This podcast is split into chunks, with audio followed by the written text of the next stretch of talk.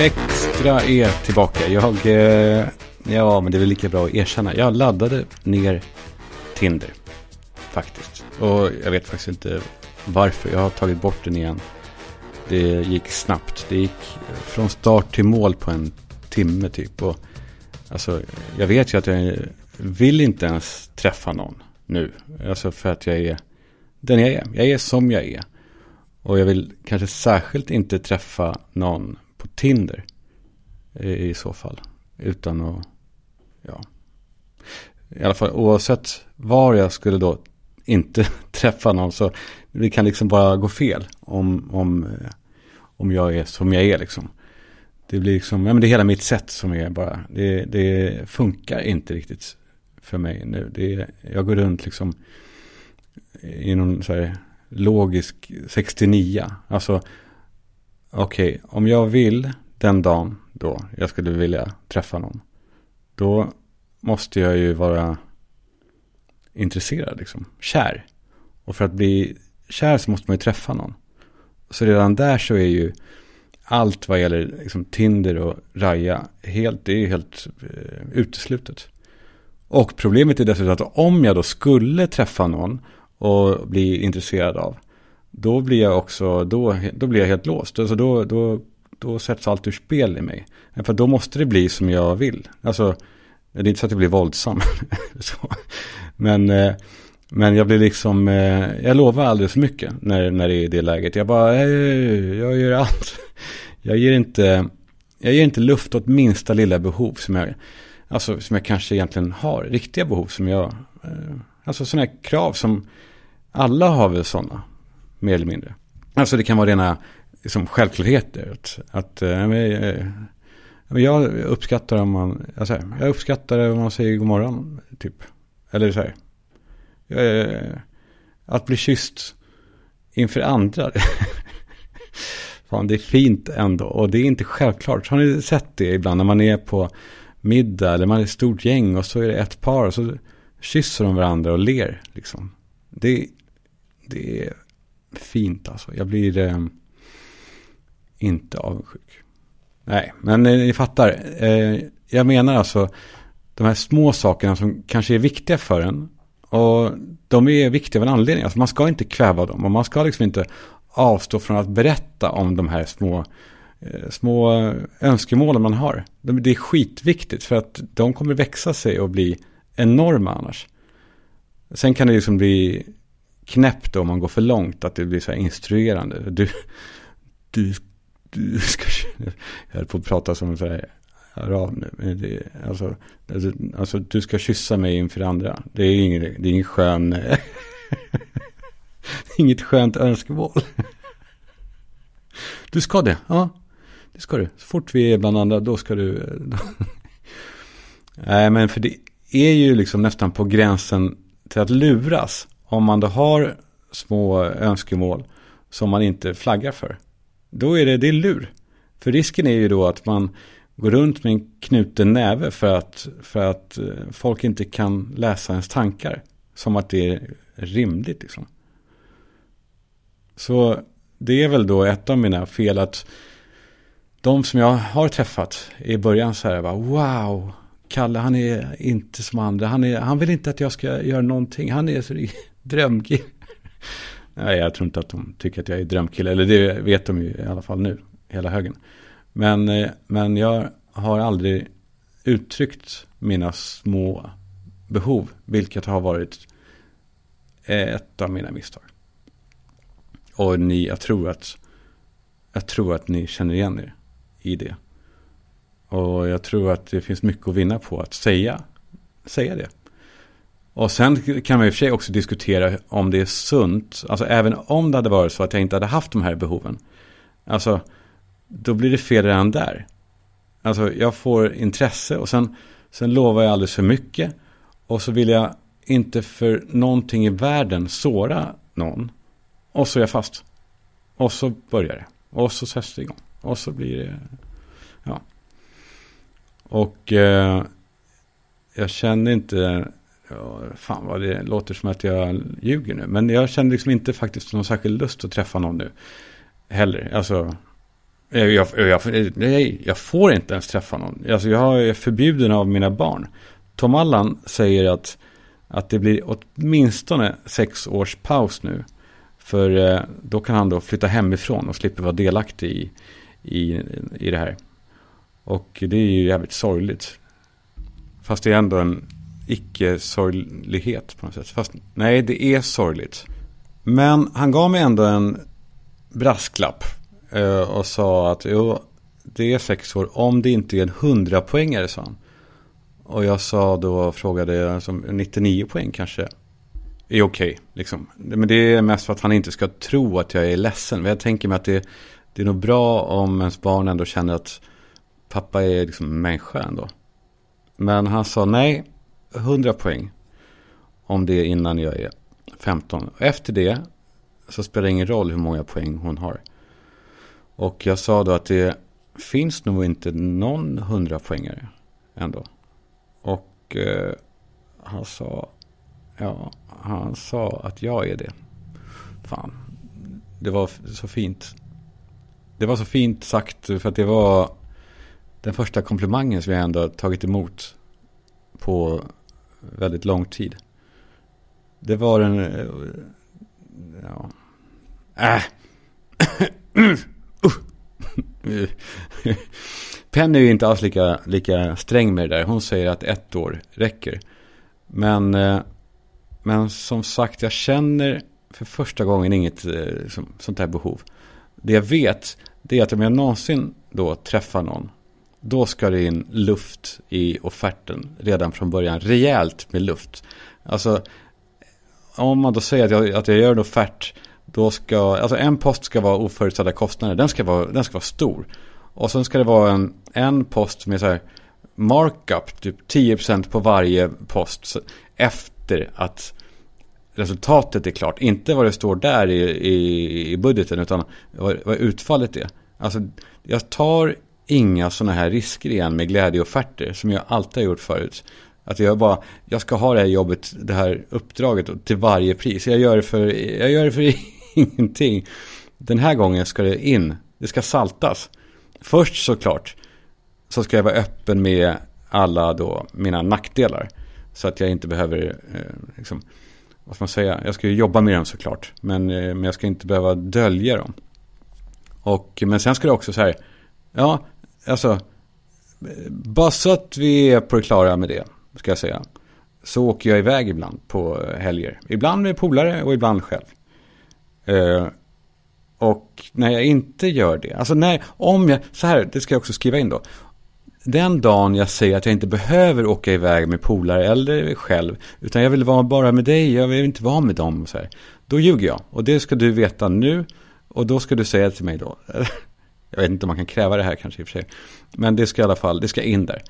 Och eh, ja, jag kanske vill... Eh, jag kanske vill vara grabbig. Det vet man inte nu. Jag kanske, för nu är jag en som vill, vara, vill väldigt mycket. Men jag kanske också har en, en mindre smickrande grabbighet. Att jag kanske vill jaga någon gång. Och då ska du, du, då ska du inte håna det. Eller du får håna det så här kärleksfullt. Men jag ska ändå känna att du älskar mig ändå.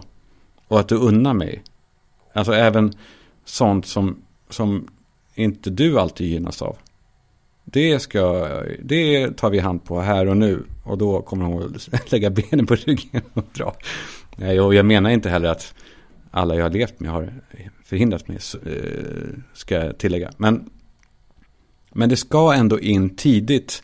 Man ska, det, jag, kan, jag kan inte nog uttrycka mig eh, tydligt här. För det är omöjligt att föra in grejer senare utan att det blir en riktig kris. Omöjligt. Folk har försökt liksom, lägga in en ny hobby fem år in i ett förhållande. Glöm det. Alltså, det, alltså, det, det, det är som Indiana Jones när han går förbi riddare som har legat döda i flera hundra år. Alltså från att de försökte någonting. Eller, eller som alla de här liken på Mount Everest som man går förbi när man ska upp till toppen. Det är människor. Det är människor som har försökt komma in med nya hobbys och, och önskemål i ett förhållande en bit in. Det, de dör. Och jag säger det, ta med det från början, för då är alla med på allting. Då är det allting lugnt. Annars så kommer ni bli otrogna. Det är det folk blir och då är det ju, eh, alltså, hur värdelöst kan någonting vara då? Jag pratar med kompisar nu om allt och vissa av dem säger att det är, att det är rimligt att önska sig att leva i ett förhållande där liksom allting blomstrar för att man ger varandra tid och utrymme och förståelse och att man unnar varandra liksom, allting. Och jag blir helt tårögd av det där. För det är så jävla vackert. Men sen så kommer då vissa som bara skakar på huvudet och eh, säger ja, tanken är god, Kalle. Men, men allt bryts ner, oavsett. Odiskutabelt. I, icke förhandlingsbart. och det är min värsta känsla i livet. Känslan av att det inte finns någon möjlighet att liksom bara snacka om det i alla fall. Vad man, vad man än är villig att stoppa in i den här förhandlingen. Nej, säger de bara. Så, alltså som, som när någon ska dö typ. Och man bara, ja men okej, jag dör istället då. Nej, nej, nej, nej, nej, det kan du inte. Det, nu är det han.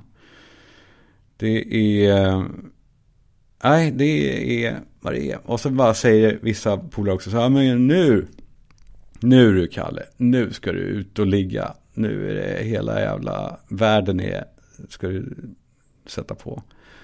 Och eh, jag bara, ja, försöker så här, försöker säga, ja, men ja, ja, kanske det är För jag är inte sån. Jag är inte en sån som ligger liksom. Det har liksom alltid varit jobbigt med, med den där typen av grabbighet. Att man ska vara liksom kåt. Att det är så här, ja men det är, killar är kåta. Jag är liksom inte det. Jag är inte på det sättet, absolut. Nej, jag är liksom inte så här, uh. Det har aldrig varit en, eh, en grej, liksom. Ligga. Då vill man med vara kär. Nu låter jag kanske lite... Fast det kan också vara så att jag blev skadad av att växa upp i ett 80-tal där, där aids var så närvarande och där sex var liksom någonting farligt hela tiden. Och sen är det ju så att jag fortfarande idag enligt lag måste berätta för alla jag ska ligga med att ja, jag har det. Liksom. Och dessutom, hur menar de att jag ska få en tjej som nästan har tuppat av att fatta att risken att smittas är, är typ obefintlig? Hur hade de, eh, hur, hur, hur, hur ska de... nej. Nej, nej, jag vet inte. Uh, ut och ligga, nej. Jag ser på, jag får en del sådana här bilder skickade på DM och sånt där. Och man undrar liksom vad tanken är, att jag ska bli så här, vad, vad sugen eller vad? Men så vill jag ju inte heller såra dem. Så jag så svarar, ja vad fint. Vad, vad, vad, vilken fin, vilken, eh, vilken slät. Och där blir den här könsordningen ändå så jävla påtaglig. Att det är okej okay om de skickar till mig. Men om jag skickar sådana bilder, då skulle det vara någonting helt annat. Då är det, ja, men då är det plötsligt olagligt. Typ. Då är det så här, men fy fan Kalle, jag, jag kommer inte berätta det här för Alex, men gör aldrig så igen. det, det, det, är som, det är skevt. Det är jobbigt med, med den här mansbilden. Särskilt kanske i den här processen som jag är i livet. När man, eller jag då, i någon mån ska försöka definiera mig själv igen och bli den man som jag vill vara. På något sätt. Jag var inne lite grann på det förut, det här att man måste hitta liksom en lagom plats i den här könsordningen där man varken är ett grisigt svin eller någon jävla bög. Det blev så tydligt på gymmet där man inte vill vara en sån som duschar och håller i duschhandtaget. Eller, liksom, eller vill och vill. Om man, så här, om man duschar och håller i duschhandtaget, då är man bög. Det är alltså, som om man tar av sig en tröja genom att korsa armarna framför sig och ta tag i, i mudden där nere och dra uppåt. Då är man stenbög. Och gör man det inför andra, då är man ja, men då är det inte att man tar av sig tröjan, då är det, då är det stripp. Testa, testa då, jag sätter på den här låten och så tar ni av er tröjan nu. Sådär med korsade armar framför er. Det var som någon sa om skärp. Att, att det är det enda plagget som man inte kan ta av sig ute på stan liksom, utan att det blir så här, wow, weird, super weird stämning. Det slår mig också på gymmet, som sagt, okej, okay, man vill inte vara då, eh, man vill inte få den här, är du bög, är du bög eller? Är du, hörru, Schulman, hörru, bögen, är du, frö, fröken Schulman, är du? ja, man vill som sagt inte heller vara den med stor kuk, eller det vill man ju kanske, men, men det finns en viss typ av kille som har det och som är så här, ja men ni killar som lyssnar, ni vet vad jag menar. Killar som står liksom konvexa med händerna på höfterna så här, gillar de att stå nakna. Och de har inte bråttom när de klär på sig. Alltså, är man då med en sån i ett omklädningsrum, då tar de på sig skjortan först. Och sen tar de på sig strumporna och typ sen skorna och sen kalsongerna. För de vill gärna lufta den där jäveln. Och jag är, jag är väldigt, väldigt snabb på att få på mig kalsongerna innan handduken liksom tas av. Apropå Indiana Jones. Alltså när han byter ut den här lilla statyn över mot en liten påse sand. Sån är jag med handduk, snorre, kalsong. Den, den, eh, ja den är inte, vad man säger, den, jag, har, den, jag har ingen stor kuk, men den luktar som att den är jättestor. Um, ja. Men skit i det, eh, Tinder, där slog det mig också då hur, när man swipar liksom, hur man då riskerar att avfärda hela universum av personligheter baserat på så jävla små, små detaljer. Och man ser de där små detaljerna som man då kanske ogillar så oerhört snabbt. För det blir så orättvist, för om man skulle träffas och liksom ha någon sorts kemi, då skulle man ju ha överseende med, med precis vad som helst. Alltså, jag, jag vill inte vara taskig. Och jag skulle ju bara in där för att eh, ja, kolla. Så jag, jag swipade, vad det nu blir, grönt. På alla. För att jag inte ville eh, vara, liksom, sprida dålig energi. Men så, ja men så måste man då vara betalande medlem för att kunna se dem man matchar med. Men då kostar det 309 spänn. Vilket ju inte är kanske så jättemycket men det är ändå en själslig förmögenhet på något sätt. Så jag raderade kontot och så räknade jag på åren till 2029. Då kör vi. Då ser vi om den här molande oron som jag har nu är kvar. Den här känslan av att folk som är singlar över 30 är fucked up. Alltså den här känslan av att någon som verkar vara riktigt bra har alltid en stor hake som hon döljer. Och han också såklart. Alltså allting verkar vara så normalt och sunt och bra. Och hon säger så här schyssta saker. Och för mig nu, i alla fall i mitt state of mind idag. Så blir jag liksom misstänksam. Jag liksom, om jag pratar med någon så kisar jag. Och försöker se något skit i blicken. Jag försöker se så här, är det här verkligen normalt? Det blir som en, en deckare när de pratar. Och jag frågar mig själv, vad, vad är det hon döljer då? Vad är, det, vad är det för skit här då?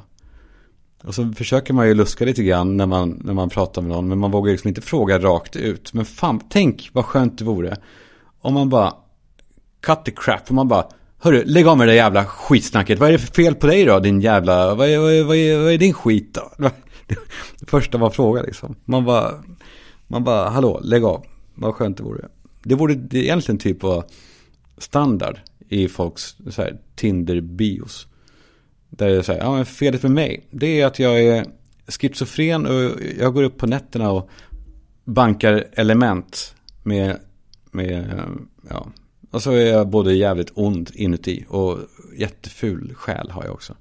Det vore ändå befriande, då kan man ändå förhålla sig till det och säga, ja men det är fine för mig. Då vet jag. Jag, jag har inget emot folk med, med, med de där egenskaperna. Men man säger inte det. Man är, folk vill liksom inte låtsas om sina baksidor. Eller liksom, men folk vill inte ens låtsas om sina riktiga sidor. Eller sina liksom vanliga behov. Alla ska verka vara så jävla easy going och lätta. Och, och när någon är det, då ringer alla varningsklockor. Eller? Alltså, som andras varningsklockor är ju såklart då också. När jag tänker, ringer om mig. Så ställer jag mig framför spegeln. Och ställer samma fråga. Jaha, jaha Kalle, vad är, vad är det för fel på dig då? Och jag börjar svara. Och eh, så vitt jag vet så står jag än där och rabblar.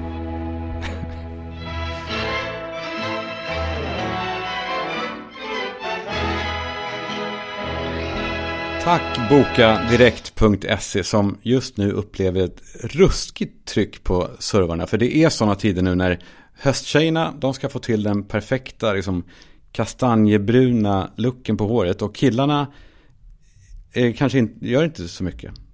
Det är ju fan så. Alltså jag kan nog verkligen tycka att vi killar borde bli lite bättre på att hålla jämna steg med till exempel hösttjejer. När det kommer till att anstränga sig lite. Sen är det ju för sig så, det ska vi ju veta, att killar gör sig fina för tjejer. Och tjejer gör sig fina för andra tjejer.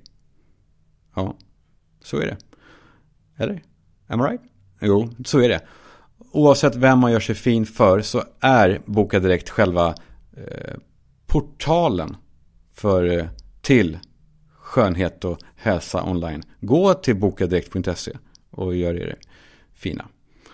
Och tack Aimo. Jag har ju 99 problem. Men Aimo är inte ett av dem. Eller så nej, fan, jag vänder på det. Så här. Jag har 105 problem och Aimo tar bort 6 av dem. Eh, att ha, ja, så här, okej. Okay. Att ha tillgång till en fräsch Tesla för en fast månadskostnad, ja. Att inte behöva leta parkering utan att stå gratis i, i stans bästa garage, check. Att inte behöva eh, leta parkering har jag sagt. Men att eh, inte behöva leta laddningsstationer utan ladda gratis i de här garagen. Jepp.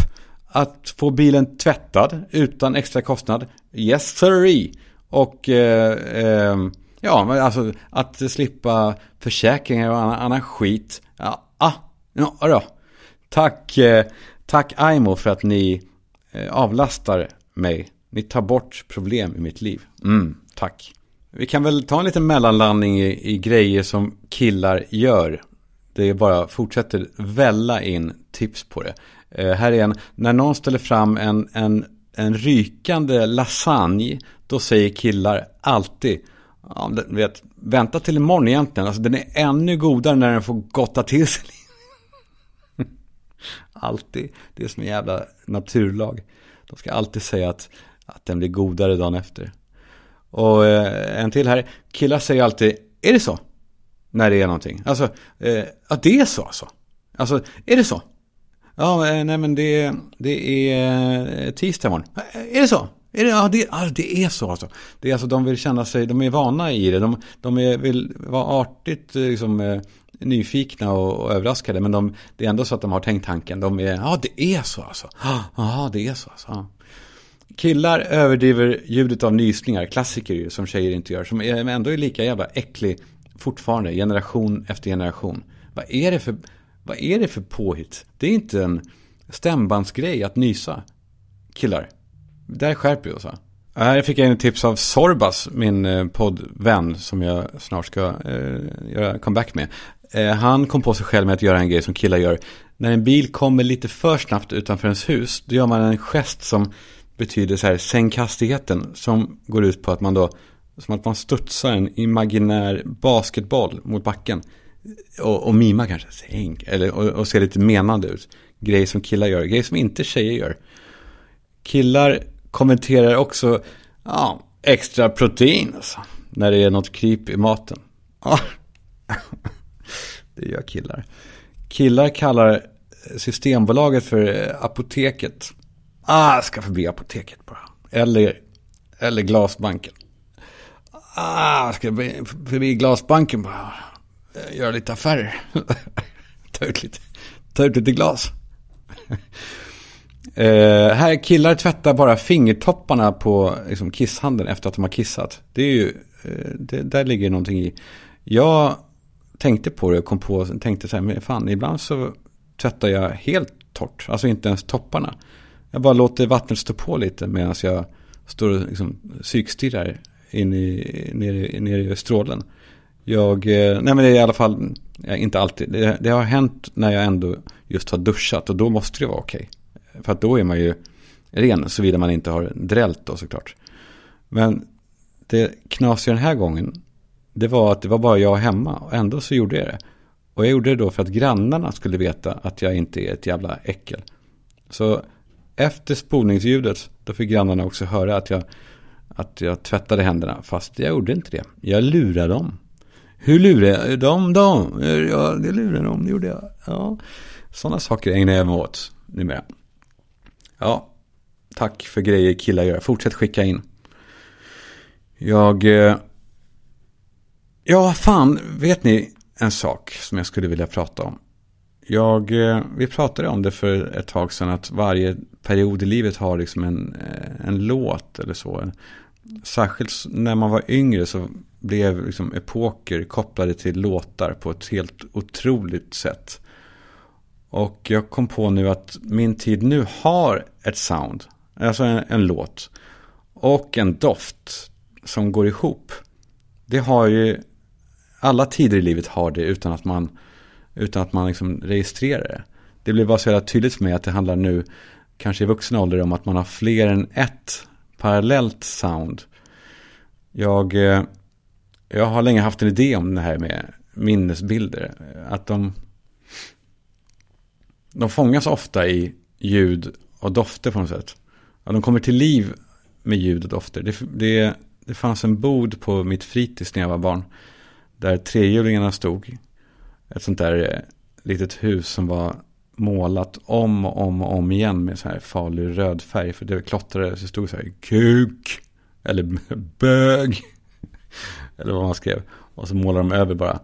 Och jag var inne i det här, i den här boden och solen sken in genom sådana här glipor. Så att det blev sådana här ljuspelare. Som att det, som det var ett grekiskt tempel typ. Och marken var av fin sand och grus.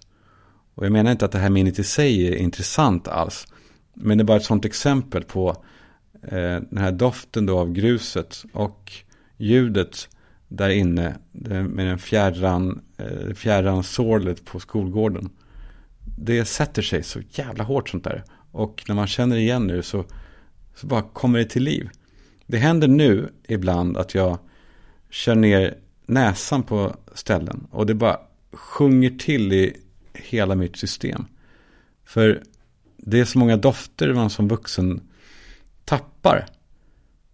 För man gör inte den typen av saker som man gjorde nu. Och kanske ännu viktigare. Så när man var barn så gick man mycket närmare saker. För att liksom lära sig. Eller inte med flit då, utan rent biologiskt.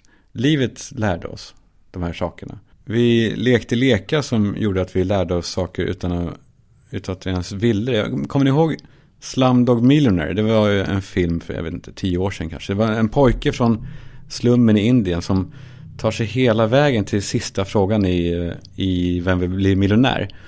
Och de torterar honom mellan inspelningarna för att de vill veta hur han fuskar. Men det som vi tittare vet är att alla frågor han får väcker minnen i honom. Som får, ja vi kommer då med in i de här minnena och de här historierna, rena händelser. Alltså där hittar han svaret.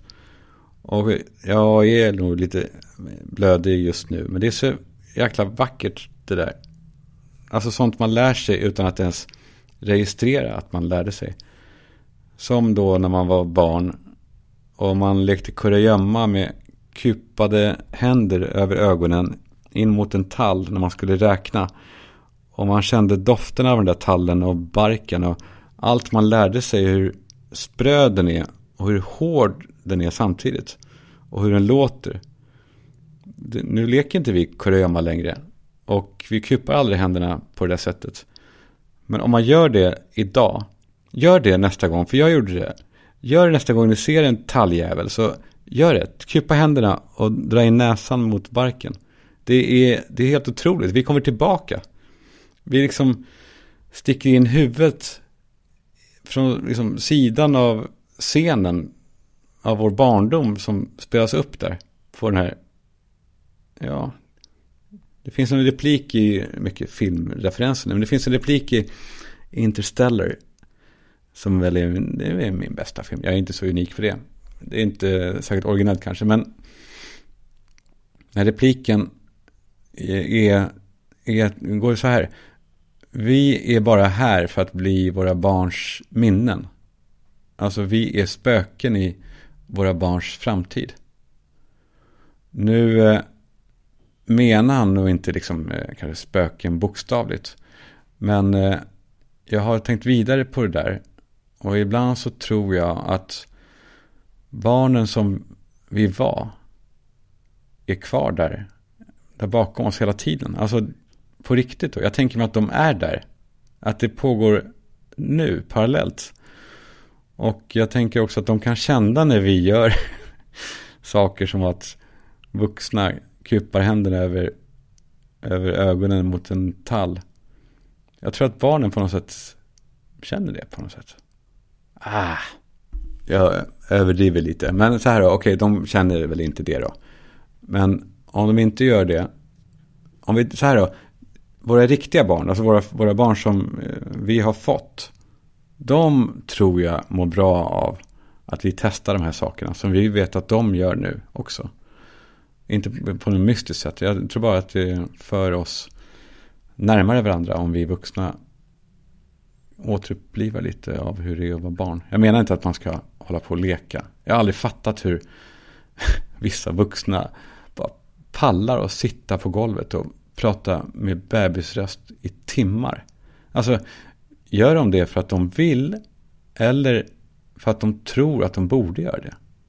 Alltså ibland hör man till och med par som har småbarn som inte ens är med och de pratar med en så här antydan av, av bebisröst med varandra. Ja, pappa, pappa är lite trött. Ja. ja. Och sen så frågar de sig, det här paret, varför deras kärlek eh, rann ut i sanden. Ja, du, gissa. Jag, jag fattar att man pratar så här knasigt med hundar för att man ska vara tydlig med känslor liksom. Men, men jag menar, alltså när vi leker med hundar då springer vi inte på alla fyra och äter med bara munnen och gläfser och morrar. Vi är människor och de är hundar. Och vi är vuxna och de är barn. Det är, det är inte samma sak. Jag är ingen, jag ska, jag är ingen psykolog. Mind you. Men, men det där, alltså, alltså vad tror då barn som växer upp eh, i typ två år med enbart det där. Vad tror de att livet är för någonting?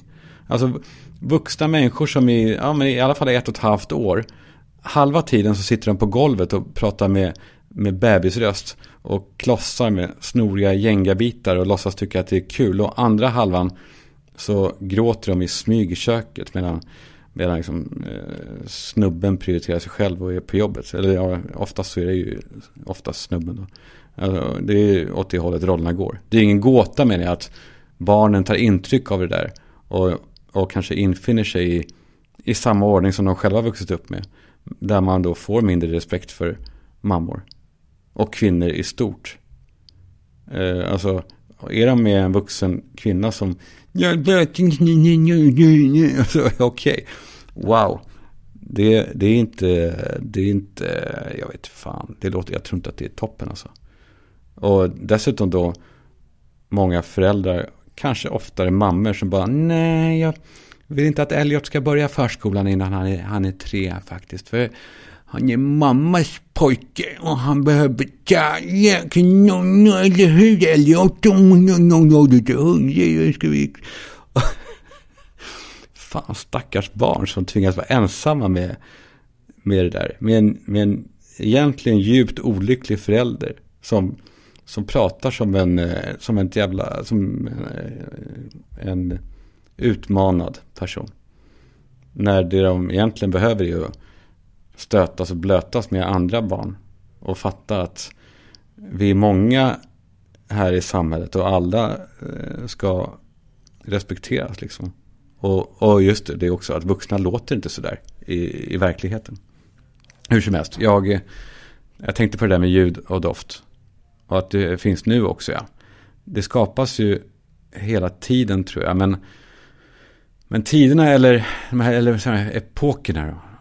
De är liksom inte enstaviga som det var när vi var yngre. Allt är mer komplicerat nu och sammanblandat. Och, ja, vissa större händelser såklart breder ju ut sig över alla de här delarna som vi har parallellt. Men det finns ändå, det är ändå mer av en uppdelning med, med varsina sounds och varsina dofter. Jag har, jag har länge haft en idé om att, eh, om att ljud och doft går hand i hand på något sätt. Jag har hållit på och pillat med det där. För båda har ju då toner ju. Och noter, basnoter och, och undertoner. Men, men eftersom jag hela tiden håller på och försöker registrera mig själv och hur jag tänker och så. Så ibland ger jag mig liksom hän i sorg och känslan av eh, mitt misslyckande. Och då, den här låten är det för mig.